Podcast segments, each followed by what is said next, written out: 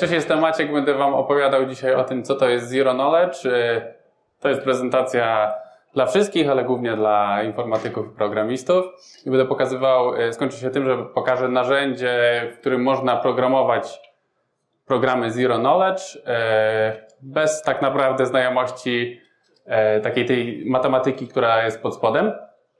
Ale żeby tam dojdziemy, opowiem o różnych takich konceptach Zero Knowledge, jak to rozumieć Takim bardzo prostym przykładem, czym jest zero knowledge, czyli w ogóle zero knowledge yy, to jest zerowa wiedza po angielsku. I cały proces zero knowledge polega na tym, że jesteśmy w stanie komuś coś udowodnić bez ujawniania informacji o tej rzeczy, którą udowadniamy. I to jest taki przykład. E, wyobraźcie sobie sytuację, że mamy dwie osoby, mamy Ole i Kubę. E, Ola ma safe, safe jest otwarty. E, I Ola będzie chciała udowodnić Kubie, że zna kod do safe'u.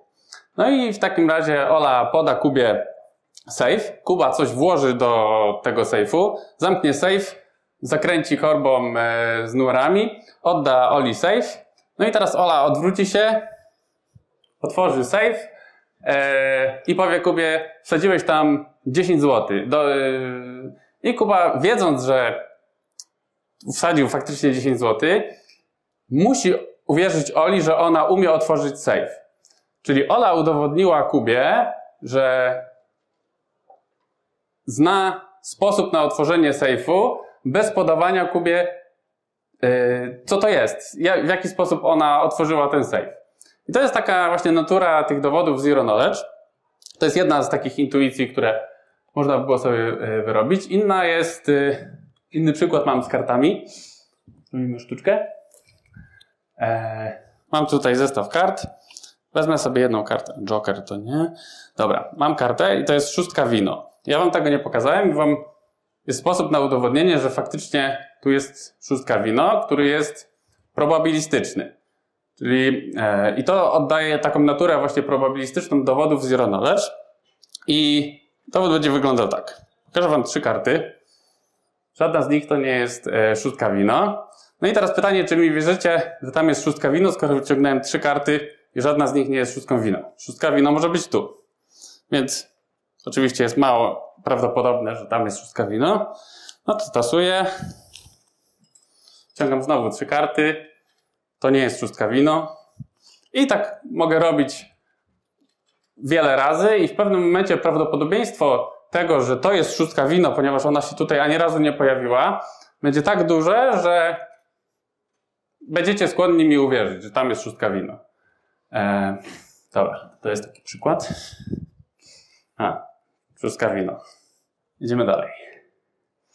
E, I ogólna koncepcja Zero Knowledge. W jaki sposób e, programy Zero Knowledge, e, ta architektura Zero Knowledge, e, w jaki sposób można z niej skorzystać, jaką można zrozumieć. Więc e, przede wszystkim mamy sytuację, w którym dwie osoby znają pewien program. E, który jedna osoba będzie wykonywać, a druga osoba będzie go e, weryfikować. E, ten program, pomyślcie o tym jako jakieś bardzo skomplikowane obliczenie, które długo trwa. I, i tutaj na tym diagramie punkt pierwszy, Ola uruchamia program i otrzymuje dowód wykonania i wynik. Czyli załóżmy, że uruchamia coś u siebie i dostaje dowód, to jest po prostu jakiś kawałek, jakiś plik, który jest większy lub mniejszy e, i dostaje wynik. I może ten dowód i wynik wysłać do Kuby w tym przypadku i on może, i co jest najważniejsze, bez wykonania tego programu może sprawdzić, że znając ten program, że ten wynik faktycznie jest wynikiem e, tego programu. I to jest taka właściwość Zero Knowledge, która powoduje, że właśnie nowe typy, nowe rozwiązania są, e, są możliwe. Tak, i właśnie tak jak powiedziałem, nowa metoda przeprowadzania obliczeń. E, jak się zastanowicie nad tym, co to daje, to na przykład w sieciach peer-to-peer, czyli takich jak znamy właśnie w blockchainach, e, w tym momencie jest, e, główne, główne sieci działają tak, że jedna osoba coś przeliczy, potem rozsyła to do wszystkich i żeby zweryfikować, wszyscy muszą to przeliczyć. I to jest bardzo problematyczne, bo na przykład w sieci Bitcoina czy w Ethereum trzeba mieć wszystkie dane, e, czyli setki terabajtów danych, które, e, czy tam chyba teraz gigabajtów, ale będą terabajty. E, więc nim dalej, tym ciężej jest mieć maszynę, która coś jest w stanie faktycznie zweryfikować.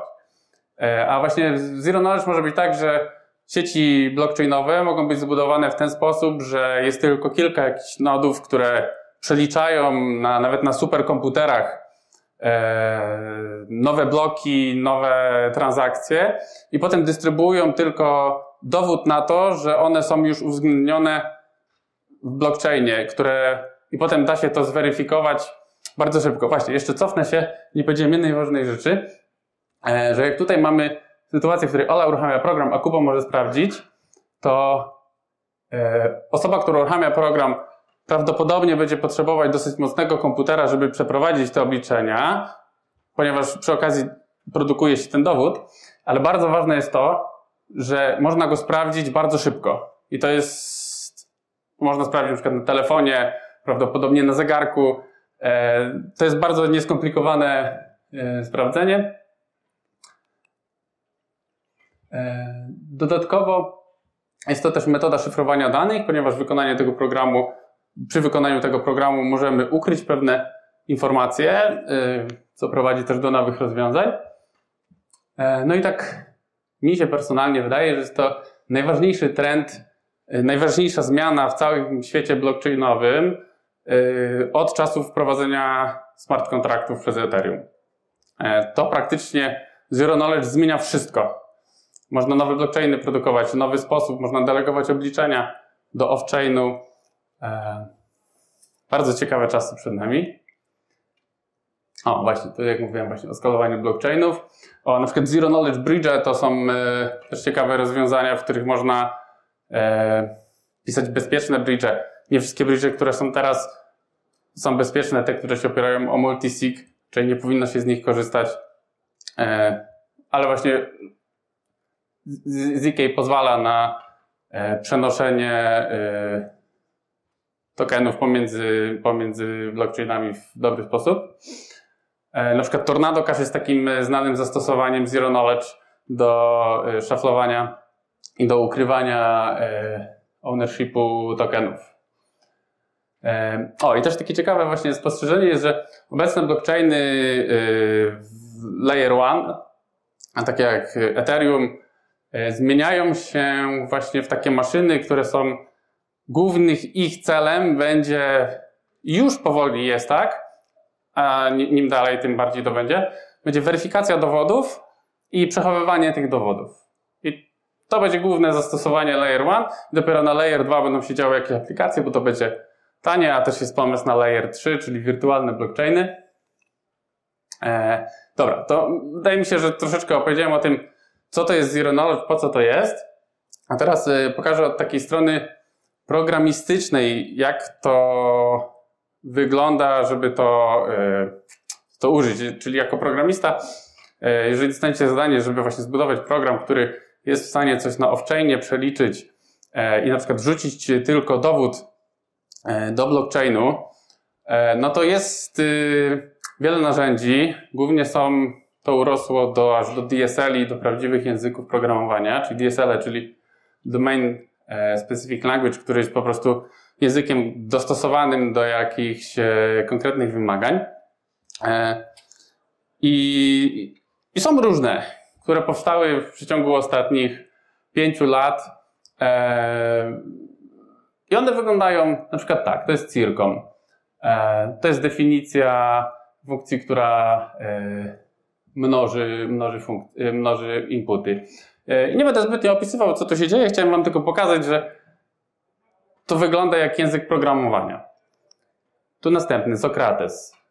Def, mine, argument, zwrotka, funkcja z biblioteki. Tu następne Leo. To samo, program, definicja, argumenty. Tu na przykład można określić, czy argument jest publiczny, czy go ukrywamy. E, tutaj Cairo e, od Starkware'a e, tak samo. Ify. To wygląda naturalnie. E, problem, o to NUA, tu już jest bardzo inspirowany Rastem, zobaczcie, struct, implementacja, funkcje, wszystko jest. Problem z tymi rozwiązaniami jest taki, że to są języki specyficzne i trzeba do nich budować. One same w sobie są świetne. E, da się, jeżeli mamy problem, jesteśmy w stanie zakodować ten program w tych, e, w tych językach, w tych systemach. Aczkolwiek problem pojawia się, kiedy potrzebujemy jakąś bibliotekę, która jest już dobrze napisana i przetestowana. Prawdopodobnie jej nie ma, bo to jest nowy ekosystem. I ci, którzy stworzyli te, te DSL-e, te języki, no ich celem jest po prostu coraz powiększanie tych, tych bibliotek, budowanie narzędzi, ale jest to, no to jest żmudne zadanie, które trwa wiele lat. E, dlatego moim zdaniem lepsze rozwiązanie e, w Zero Knowledge e, jest takie, które bierze maszynę, język, który już istnieje i ma dosyć dobre wsparcie, ma dobre narzędzia i po, pozwala na skompilowanie tego języka do Zero Knowledge. I takim rozwiązaniem jest RISC Zero, który działa tak, że e, bytecode RISC-V, a RISC-V jest to architektura procesora open source'owa, która jest wspierana przez wielu producentów, e, nawet NASA z niej korzysta, e, ale głównie chodzi o to, że jest ona open source'owa i jest bardzo prosta. I firma Risk Zero wymyśliła, że oni stworzą maszynę wirtualną, która uruchomi bytecode RISC-V i da wynik i dowód tego, że ten program się wykonał. E, dzięki czemu programy można napisać we wszystkim, co się kompiluje do RISC-V, czyli na przykład w Raście, w Go, C++. E, a jeszcze trzeba tą maszynę jakoś uruchomić E, no i tu interfejs jest wreszcie i teraz będę Wam pokazywał, jak wygląda napisanie takiego programu, uruchomienie go i udowodnienie. Ale żeby to miało jakiś sens, podam przykład. E, kiedyś było coś takiego jak RSA Factoring Challenge, e, zorganizowane przez NSA i była to nagroda na znalezienie, na faktoryzację jakiejś dużej liczby E, I w 2007 roku za znalezienie czynników tej liczby e, było 200 tysięcy dolarów. Potem ten e, challenge został wygaszony. No i załóżmy, że jest sytuacja, w której znalazłem rozwiązania i zanim to zostanie potwierdzone, chciałem się pochwalić kolegom po fachu i w jaki sposób i da się za pomocą Zero Knowledge udowodnić, że znam czynniki tej liczby bez ich podawania. Dobra, i teraz zaczynamy od y, programu, który będziemy dowodzić. Czyli tak jak Wam wcześniej pokazałem, to jest program, który będzie znany e, i temu, kto buduje dowód, i temu, kto weryfikuje dowód. E, I to jest Rust. Czyli tak, na samym początku wczytujemy z pamięci e, dwie liczby. Sprawdzamy, czy, czy żadna z nich nie jest jedynką. Jeżeli to panikujemy. E, potem obliczamy ich wynik i commit jest taka funkcja, która zwraca e, wartość, którą potem będzie można odczytać. Bardzo prosty program. E, I teraz chcielibyśmy go, musimy go wykonać. Czyli teraz uruchamiamy, tamten program się kompiluje do bytecode'u RISC-V i teraz chcielibyśmy go, go uruchomić. E, I tu mamy program, który uruchomi go. E, na samym początku mówię, że znam A i B, czyli które są tymi liczbami, które pomnożone przez siebie dadzą tam dużą liczbę, którą wcześniej pokazałem. E, tworzę provera i tutaj multiply to będzie ścieżka do bytecodu. Wstrzykuję do provera A i B, które, które się pojawią tutaj jako A i B ze środowiska. Wracam. E, I wykonuję metodę run. I to jest metoda, e, która jest e, obliczeniowo skomplikowana.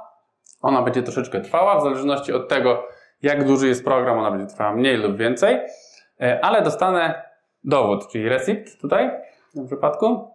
I dzięki temu receptowi będę w stanie potem udowodnić, że znałem dwie wartości A i B, które dały mi wartość tutaj w tym przypadku C, która będzie się pokrywać z tym, co zostało zwrócone przez n w commit, czyli tą moją dużą liczbę.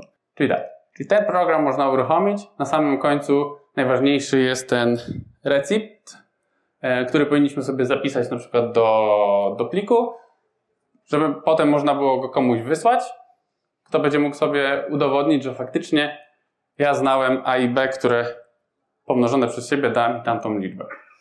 I teraz jeszcze weryfikacja. Bardzo prosto, jeżeli mam receipt, mogę sprawdzić, znając program multiply, czy on, czy on się weryfikuje poprawnie. I w tym recepcie jest zapisany dowód i wynik. I to jest na przykład kod, który można uruchomić na blockchainie.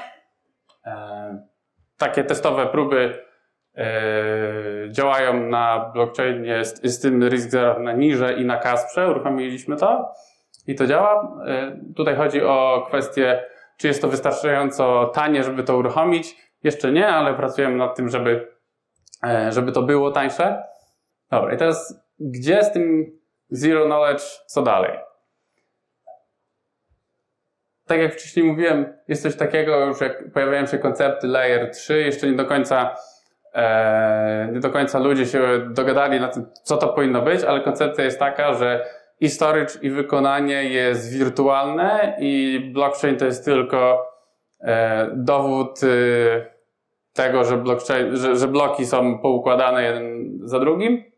E, I blockchainy mogą na przykład mieć, nie wiem, pamięć mogą mieć na, na jednym blockchainie, storage może być, y, nie storage, tylko wykonanie może być zrobione przez jakąś inną grupę.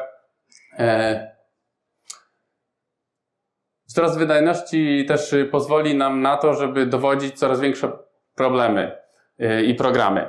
Ponieważ teraz, e, teraz nie do końca takie pisanie generycznego kodu, jak tutaj pokazałem, dla, dla, dla różnych problemów takich stricte matematycznych nie zawsze jest możliwe, ponieważ wydajnościowo jest bardzo ciężko.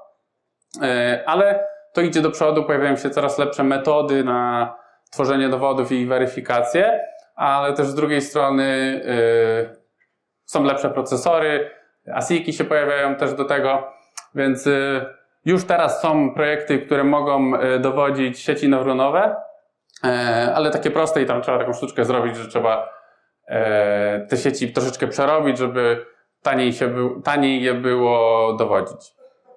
Też narzędzia programistyczne pozwolą na pisanie kodu, w którym będziemy na przykład mogli bardzo łatwo przełączyć, że jeden kawałek kodu jest y, zero knowledge i po prostu ukryć całą tą warstwę, bo ona tak dla programisty, programista powinien to rozumieć, ale on nie musi do końca wiedzieć, jak to działa i narzędzia programistyczne według mnie powinny wspierać ten sposób. Tak samo jak korzystamy, piszemy z web serwery i nie do końca musimy wiedzieć, jak działa SSL.